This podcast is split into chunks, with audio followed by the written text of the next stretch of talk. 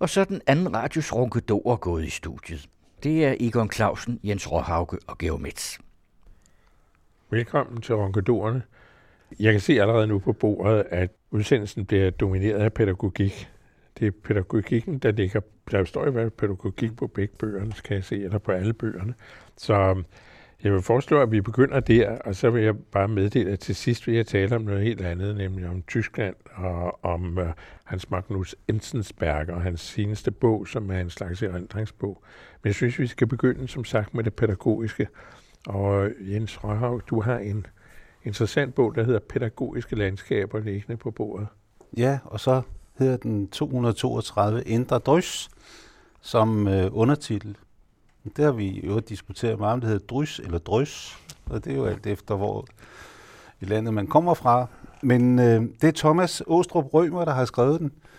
Han er ansat som filosof, pædagogisk filosof på DPU, og han er i hvert fald kendt, frygtet og berygtet i øh, de kredse, som han, øh, han færdes i, fordi han skyder simpelthen på alt, hvad der rører sig. Øh, han har blandt andet opfundet begrebet det, øh, det pædagogiske oligarki om de kolleger, som øh, står bag skolereformen, som han er inderligt imod. Og øh, han øh, skyder med navns nævnelse, og derfor har han været indklaget nogle gange for, for rektor, men har, har hver gang klaret frisag øh, på grund af, af den åndsfrihed, som øh, trods alt hersker på øh, universiteterne. Og man kan sige meget om ham, men øh, nogen synes, han er for meget osv., men, men man kan ikke lade være med at blive lidt reflektorisk, når man har, har været udsat for ham. De her indre drys, han har udgivet den her bog, jeg er lidt i tvivl om, om han ligner sådan lidt de der souvenirs, man køber i, i butikkerne, hvor man kan ryste dem, og så er det snevær over alberne. Øh, altså, og, om det er sådan nogle pædagogiske drys, hvor han har rystet lidt på hovedet, og så, så flimmer der en masse flager ned med indhold i på en eller anden led. Eller om de drys øh, består i, at de sætter sig ind i en, som man, øh, som man altså får som læser. Det, der hedder en indre psoriasis, der klør som bare fan. Altså, han er dybt spændende, fordi han netop går løs på alt. Altså, han, han er universelt kritisk, men med ståsted i, i en idealistisk konservatisme, kan man sige, hvor han er oplysningsmand, han er er øh, kirkegårdmand. Han er en hel masse ting, som, som øh, er baseret på det fri menneske, den fri tanke og den fri kritik. Og for, for sådan at dokumentere det lidt ud fra de her drys, som altså er skrevet i kronologisk orden, hvor, øh, hver gang han har rystet hovedet siden øh, 2013 og så frem til midten af 2015, der er der kommet et eller andet lille skrift ud af det. Nogen er længere pædagogiske angreb på det pædagogiske oligarki. Nogen er små tanker, som, som handler om et eller andet ord. Nogen øh, springer ud af, at han har fået læst et par tidsskrifter, øh, ovenikøbet bedagede tidsskrifter. Jeg skal prøve at give et par eksempler, hvor han for eksempel skriver, hvad er kundskaber? Jeg studerer kundskabsbegrebet. Kundskab er det eneste ord, der går igen i alle skolelovens formålsparagrafer siden 1814. Men samtidig betyder det noget helt andet, end hvad mange tror. Det er ikke blot et andet ord for information, fakta, kompetencer eller viden. Det er meget, meget mere.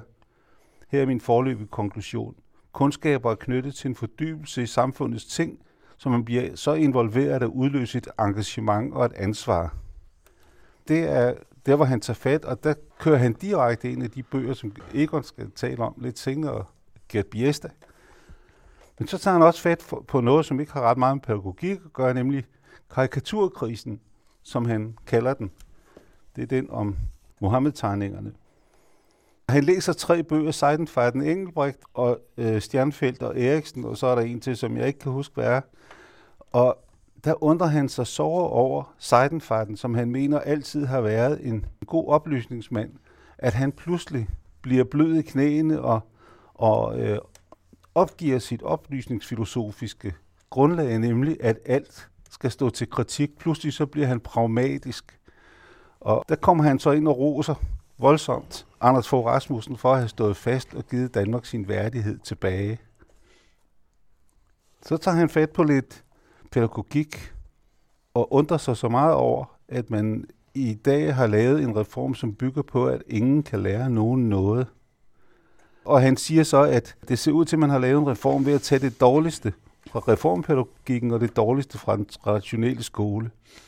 Og så siger han, hvad ville der ske, hvis man tog det bedste fra reformpædagogikken og det bedste fra den traditionelle skole?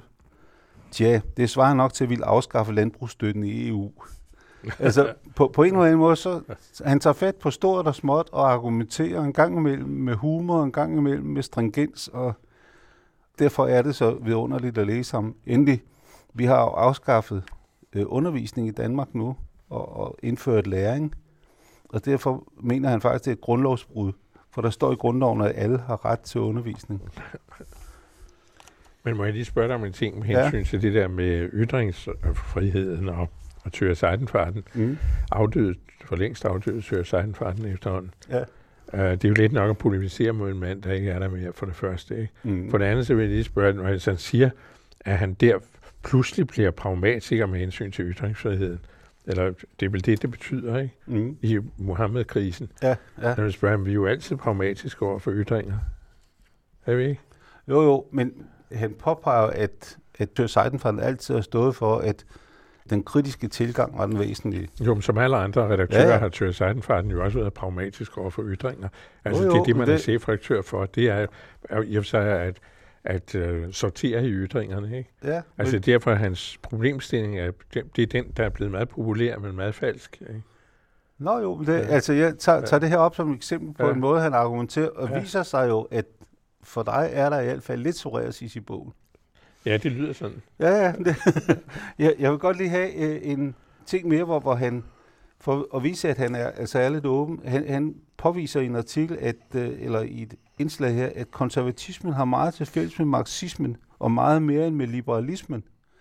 Og, og det argumenterer han altså ret overbevisende for, og, og, og, og ser det, de, øh, de sobre konservative og de sobre marxister som, som øh, mere beslægtede end de der underlige udskud, så, så, så, som kommer.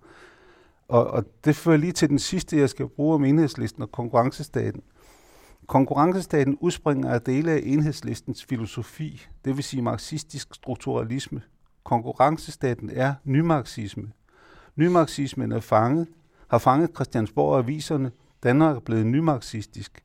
Den eneste seriøse kritiker er enhedslisten. Hvorfor? Fordi de tror, at konkurrencestaten er nyliberal, hvad den altså ikke er. Herfra kortslutter alt. Det er bare for at vise lidt af hans argumentation. altså, det er jo det. Altså, jeg kender også øh, Thomas øh, Åstrup Rømer, og jeg har også den bog, som du sidder med. Jeg har ikke læst den hele, og det ved jeg ikke, om jeg når, fordi jeg synes, at det er for meget, altså, og det er for ensartet. Det er fordi, det er de der indfald og hurtige vidigheder. Og inde bagved er der jo en eller anden sammenhængende teori. Det tror jeg da. Men det er svært at finde den, og derfor er det også svært at diskutere med manden. Han trænger i meget høj grad til en seriøs opposition. Jeg vil sige, jeg synes selv, det er befriende, at der findes sådan en som ham, og jeg læser ham med fornøjelse, men jeg læser ham altså kun sådan et stykke af gangen. Det er ligesom min øh, eftermiddags whisky. Der skal ikke, man skal ikke have for meget, mm. så bliver man omtået.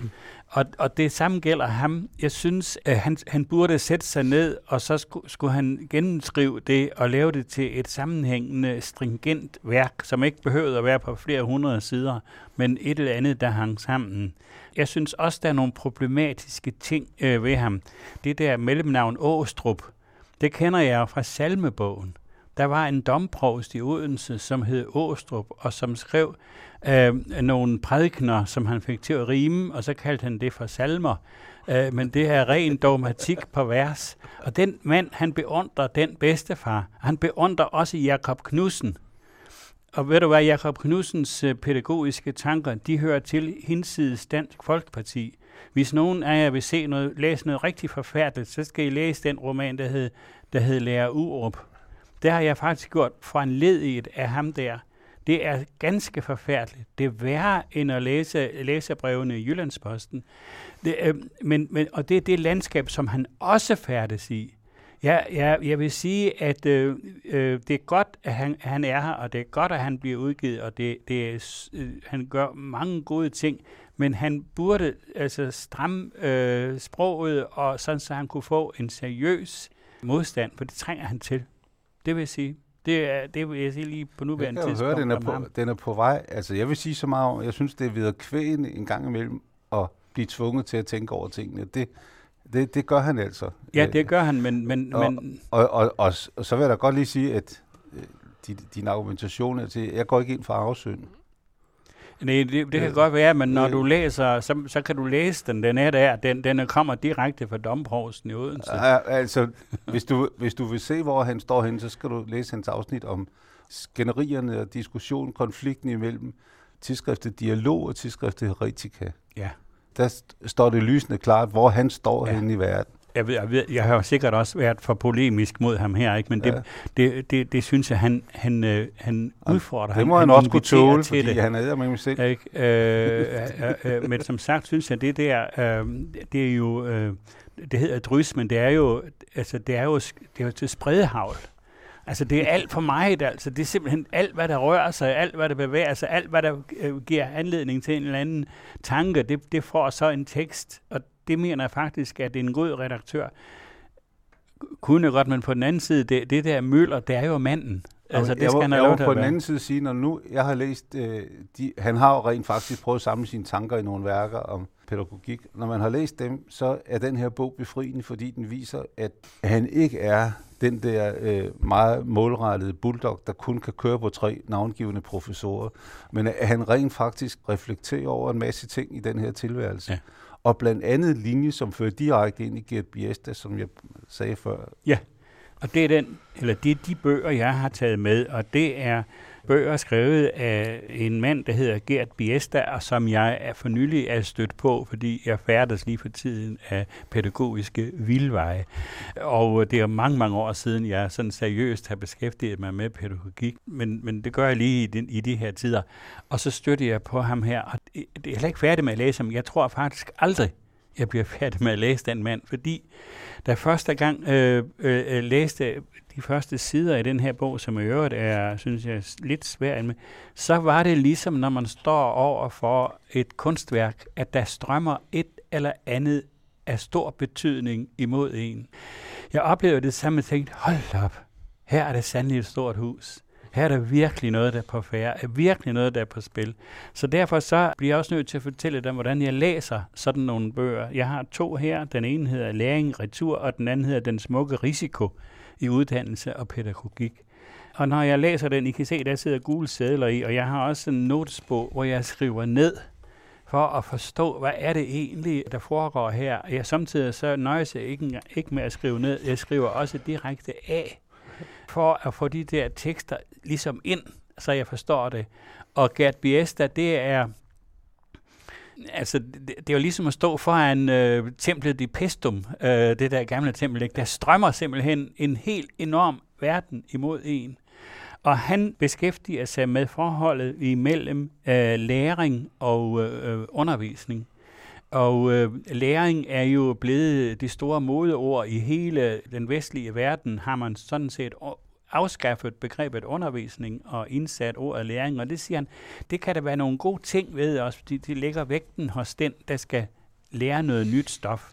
Men samtidig med, når man afskaffer ordet undervisning, afskaffer man en hel verden, en hel og en lang tradition for, hvad det vil sige at blive undervist, hvad det vil sige at blive til et menneske.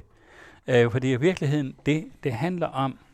Derfor så mener han, at det er vigtigt at genfinde et sprog om uddannelse. Nu læser jeg højt af nogle af mine noter, fordi øh, han mener, at, øh, at det vigtigste i dag er ikke længere, hvordan vi, øh, altså hvor uddannelsen har, eller undervisningen har traditionelt været sådan, at man skulle danne nogle mennesker til, at i virkeligheden så de skulle blive ligesom os.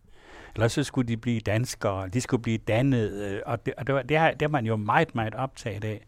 Men han mener, at øh, undervisningens fornemmeste opgave, det er at vise os, hvem vi er, eller hvem vi bliver til, og samtidig med acceptere, at der findes nogle andre, som er anderledes end os. Fordi det at leve i verden i dag, det er at, at, at skulle leve sammen med nogen, som er anderledes. Og det synes jeg, det passer jo også meget godt i de her diskussioner, vi har lige for tiden om flygtninge og fremmed og så videre. Han har nogle helt fantastiske tekster om, hvordan vi skaber det begreb, der hedder den fremmede. Det gør vi også gennem undervisningen. Og så har han en kritik af, af det der læringsbegreb, fordi det har karakter af en økonomisk transaktion. Altså man opfatter øh, eleven som en kunde, som går hen og køber en vare i skole. Den skal underviseren eller institutionen så levere, og så kan man bagefter måle den. Man kan evaluere, at denne vare nu blevet leveret. Det går igen, at der er sådan en transaktion, man forestiller sig, at man kan simpelthen vi har jo alle de der forfærdelige prøver, eksamener, evalueringer, karakterer og ranglister osv. Ikke? Og det er fordi, at man vil eliminere enhver risiko. Uh, man vil være fuldstændig sikker på, at den vare, som institutionen tilbyder, at den også bliver købt af den lærende, som er eleven. Og det er en frygtelig tanke, fordi det er alt for snæver en opfattelse af, hvad det egentlig vil sige at undervise. Så har han, han siger, at hvad er det, der kendetegner et uddannelsesforhold? Ja, han har så tre begreber. Det ene begreb er tillid uden grund. Det andet er transcendental vold. Og det tredje er ansvar uden viden. Og øh, hvad han mener med dem, det er, at tillid uden grund, det ligger, det er simpelthen en integreret del af enhver undervisning. For der er altid en risiko forbundet ved at blive undervist. Der for det første, så er det, at man ikke lærer det, man gerne vil have lært, men man, også at man lærer noget, som man ikke kunne forestille sig. Øh, og allerede der kommer begrebet med som, som, som læring ind som en vare, det kommer til kort, ikke? fordi vi ved ikke, hvad det er, vi møder, når vi bliver undervist. Vi bliver jo også selv forandret af det på en måde, som vi ikke på forhånd kan sige, det er det, jeg vil gerne. Man kan ikke sige, jeg vil gerne forandres det blive sådan og sådan. Det kan man ikke. Det skal man erfare, det skal man opleve. Så skriver han noget om det der med uddannelse, kan kun begynde, når den lærende er villig til at løbe en risiko. Og han har nogle, nogle, nogle afsnit, der handler om forholdet mellem risiko og tillid.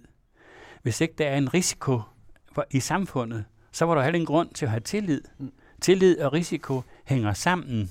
Men det er lige nøjagtigt den sammenhæng, som de der læringsteknokrater, de vil afskaffe. Der skal ikke være en risiko. Du skal vide lige nøjagtigt, hvad det er. Det kan man jo så flytte ud i samfundet. Ikke? Altså, vi skal have tryghed. Ikke? For der skal man afskaffe enhver risiko. Men så behøver man ikke at have tillid, siger han. Så siger han om det begreb, der hedder øh, transcendental vold. Det synes jeg er et meget voldsomt ord. Men det har at gøre med, at læring øh, kan også defineres som reaktion på en indtrængen i ens person. Altså at man bliver på en eller anden måde angrebet eller øh, udsat for noget, som man prøver måske at støde fra sig. Og det er den proces, der hedder læring. Der skal være sådan en proces, hvor man ligesom går til angreb på den andens identitet og integritet. Og det er jo en helt anden opfattelse af læring, end den vi er vant til at høre, fordi jeg tror, det er rigtigt, at der skal være sådan et men sige, et overfald. Der skal være sådan en anklage, og det er, det er jo det, som nogen har kaldt for indoktrinering, og øh, det er at gå alt for vidt, men det skal en undervisningssituation kunne gøre. Det er at, at udfordre eleverne til at svare på, hvem de er, hvad de mener, og hvor de står. Og det vil sige, at det er med til at skabe eleven som et nyt menneske, og derfor så kommer det tredje punkt, af ansvar uden viden, det er, at den, der underviser, læreren, har et enormt ansvar, siger Biesta. Men han ved ikke, hvad det omfatter. Uh, han har bare et stort ansvar for at give eleven lejlighed til at skabe sig selv og forme sig selv. Men, men hvad det egentlig indebærer, det kan man ikke vide. Derfor er det ansvar uden viden. Og tænk, jeg er slet ikke færdig med Biesta, med at læse ham endnu. Er, er I ikke misundelige på mig? Jo, jeg skulle, du skal lige uh, anbringe ham i tid og sted, om jeg så må sige. Hvem ja. er herr Biesta? Herr Biesta, det er der mange han, af os, der ikke ved. Han er... Ja, voldsomt nutidig. Han er voldsomt nutidig, men hvilket land kommer han fra? Er det Holland? Ja, og så er han professor i, i øh, Luxembourg. Ja, men han er altså... Han og har, har været i England også. Ja, ja, det har han. han der hører han altså hjemme i den, i den vesteuropæiske uddannelsestradition, og han trækker på både på Immanuel Kant og øh, Dewey, som jo var mm. amerikaner, mm. og så trækker han især på Hannah Arendt og deres filosofi, øh, og, og stiller dem op imod hinanden og lader dem diskutere. Så det får man med oveni.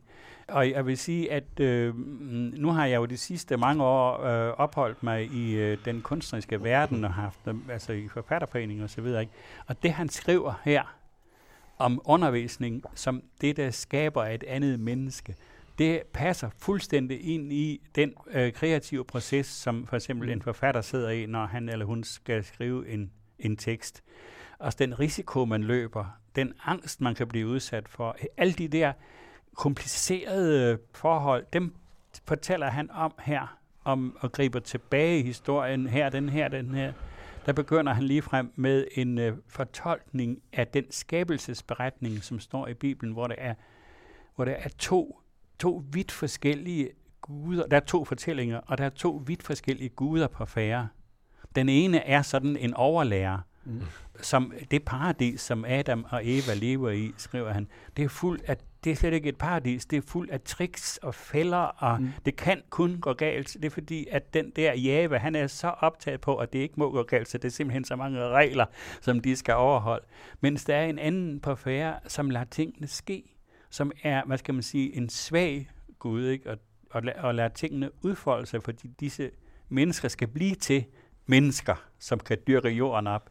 Og de to forskellige skabelsesberetninger stiller han op ved siden af hinanden og bringer dem ind i en pædagogisk sammenhæng. Godmorgen, venner, her er der kommet et lys til verden. Man kan også sige, at hvis Eva ikke havde spist den forbudne frugt, så ville det blive en meget kort bog.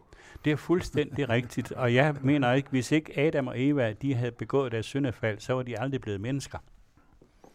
Lige præcis. Må, må jeg ikke godt lige, altså, fordi Biesta er så fantastisk, og nu øh, synes jeg, vi knuppede lidt omkring Thomas Rømer, mange af de ting, han påviser, det er rent faktisk øh, ting, som spiller direkte ind i den kunstneriske proces, som, ja. så, som Biesta øh, nævner, og, og han påviser rent faktisk, at det, han kalder det pædagogiske oligarki, altså øh, øh, de professorer, der står bag skolereformen, de har fejllæst Dewey, de har fejllæst, øh, eller begrænset i hvert fald, Humboldt. De har taget, øh, og det påviser han ret overbevisende, fordi han er belæst.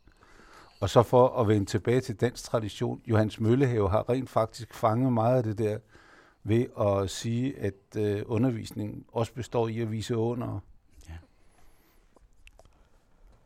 Om øh, min forfatter, som jeg har med, ligefrem viser under, det er måske, som meget sagt, han stiller nogle problemer op vedrørende sig selv, fordi det er en slags erindringsbog, Forfatteren Hans Magnus Enzensberger, som nu er en ældre herre på øh, godt over 85 nu. 85. Det omkring. Og øh, han har skrevet en bog, der hedder Tumult, som er meget fremragende oversat af Per Ørgaard, som har været hans faste oversætter øh, og øh, professor i tysk jo. Med et meget stort kendskab, hvor man godt kan mærke til øh, de øh, bevægelser, der, der er nede i Enzensbergers tekster.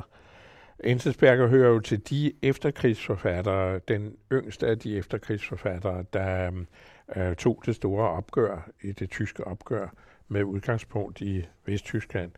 Sigrid Lenz, øh, Heinrich Bøll, som vel nok den eneste, og Günther Grass, og så altså Enzensberger. Der er selvfølgelig flere andre, men det synes jeg er de mere markante. Så er der nogle historikere, som selvfølgelig også skal nævnes, men Enzensberger ligger mellem øh, det historiske, det journalistiske og det egentlige øh, fiktive. For han skriver jo også digte, han er jo lyriker ved siden af. Og så har han også skrevet bøger, som er henne i, øh, i den egentlige fiktion. Men først og fremmest er Ensensberg jo kendt, som sagt, for det historisk halvjournalistiske, og ikke mindst også to gamle hønæsser fra Danmarks Radio har jo haft et særligt kendskab til ham gennem øh, de litterære montager, som øh, radioen i sin tid excellerede i Sten Albrechtsen og Clausen, den anden Clausen, Viggo Clausen, og øh, hvem der ellers var af de der øh, store radioskabere, som brugte montagen, den litterære montage, til at belyse store emner.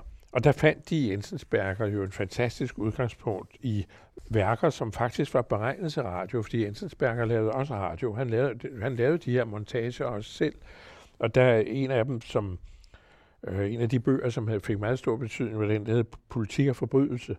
Og den anden, Forhøret i Havana, det var den mere konkrete, men Politik og Forbrydelse gav udgangspunkt til flere af de her store montager.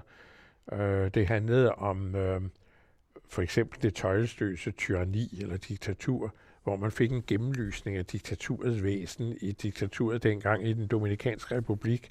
Et fremragende øh, værk. Men altså her i Tumult gør han op efter et langt liv, eller i slutningen af et langt liv, øh, med, med, sin, med sin egen tilstand i verden. Og det er en mærkelig bog, øh, for man kunne sige, at han altså faktisk vi er lidt uden om de modsigelsesberettigede præmisser, man må stille til en hvilken som helst forfatter. Det er han en mester i at skjule. Altså han er, han er ligesom på flugt igennem hele bogen. Og han nævner det selv nogle gange. Han, han lidt koket siger han, om som sædvanligt glider jeg jo af på det, for at komme videre til det næste. Mm. Og det er lige præcis det, han gør, både i sit privatliv, men også i det politiske. At man siger, hør ho, hvad var det nu med det der? Hvad, hvad siger du så? Hvad var, hvad var dit medansvar for den øh, venstrefløjs sympati, du havde, den yderste venstrefløjs sympati, du havde? Er det noget, du sådan vil tage op på et ansvarsplan, der han allerede på vej væk? I det næste. Øh, over for Sovjetunionen, som han har meget at gøre med, fordi han er russisk gift på et tidspunkt, der skynder han sig også udenom det og bruger en stor del af tiden til at fortælle udenværkeren som den gode journalist. Men han, hver gang det ikke rigtig gælder, så slipper han ligesom udenom. Og hvor mærkeligt det lyder, så det, der gør bogen mest fascinerende, for man sidder og tænker på, hvad, hvad finder han nu på? Og så man, når man sidder og tænker på det, så siger han det selv. Der røg jeg udenom igen. Ikke? Jeg er vist nok sådan en. Det er en meget mærkelig oplevelse at læse den. Men der er store passager i den. At for eksempel, han møder mange. Han har en, en formidabel evne til at gå lige ind, og så komme i audiens hos hvem fanden det skal være, de store. Og han kommer også med, uden at der er nogen egentlig påvise grund til, at han havde adkomst til det, til et stort forfattermøde med Khrushchev, altså daværende ministerpræsident, øh, generalsekretær Khrushchev, som øh, han kommer på besøg på hans landsted, og der giver han et formidabelt journalistisk øh, billede af den her mand. Først og fremmest, og der er han jo altså også meget påvirket af Hannah Arendt, som du nævnte før, det er jo en af hans helte også, så konstaterer han Khrushchevs øh, fuldstændig grænseløse banalitet. Mm. Altså han er så ligegyldig, som noget kan være, den her mand. Men han er magthaver over verdens anden supermagt. Han kan med et fingerknips simpelthen afskaffe verden. Hans magt er total på det tidspunkt, han møder ham. Og banaliteten kender ingen grænser. Alt, hvad han omgiver sig med, er banalt. Når manden åbner munden, så er der ikke sammenhæng i det, han siger. Det er, det, det er ligegyldigt. Han, han er ingenting, når det kommer til stykket. Og der skriver han om det. Under dette møde er der ikke meget ved Khrushchev. Der, der nævner han det med det samme. Der er ikke meget, der er utydeligt. Denne mand ville aldrig være kommet i besiddelse af magten ved en folkeafstemning eller ved parlamentsværk. Han er upåfaldende. Det har formentlig været hans redning. Han styrke er den, man finder hos et menneske, som har sat sig for at overleve. På den måde har han overstået stalinismen og magtkampen efter Georgiens død. Hans påpasselighed og hans standhaftighed kan der ikke herske tvivl om. Han har større sans for at klare situationer end for at skabe den. Ikke en mand af store visioner, vanskelig at overbevise, utilgængelig for teoretiske argumenter. Han lader sig kun belære af trial and error. Hans forskning kan bedst defineres negativt. Han er temmelig fri for sine forgængers storheds- og forfølgelsesvandvid. Hans fundamentale overbevisninger er så enkle og lige til, at de ikke programmerer hans adfærd, men omvendt.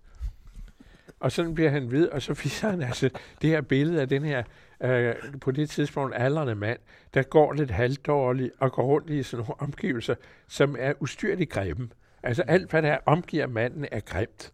Det er det bedste, man kan få for de sovjetiske varehuse, og hvor man nu øh, får de her ting til nomenklaturen, altså møbler osv., men det er med udsøgt sans det grimmeste. Og det er helt øh, klart, at ikke engang det har han selv valgt. Han er bare sat ind i det. Værsgo. Og når han åbner munden, som sagt, så vælter banaliteten ud af ham. Det er altså godt. Den, den slags passager er der flere af.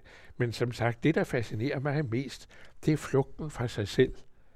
Det er en meget lærerig bog, altså om hvordan man egentlig kan skjule sig selv, og så ordentligt også røber, at man gør det. Så når du sidder tilbage med den, når man sidder tilbage med den, så kender man sådan set ikke Ensensberger meget bedre, andet end man ved, at han er en mand på evig flugt. Derfor er han stadigvæk en meget, meget stor journalist, først og fremmest. Måske derfor. De omtalte bøger er Thomas Åstrup Rømers Pædagogiske Landskaber, udgivet på forlaget Fjordager, Hans Magnus Ensensbergers Tumult, udgivet på Gyldendal, og Gert J.J. Biestas to bøger, Den smukke risiko i uddannelse og pædagogik, og Læring Retur, Demokratisk dannelse for en menneskelig fremtid, udgivet på forlaget UP Unge Pædagoger.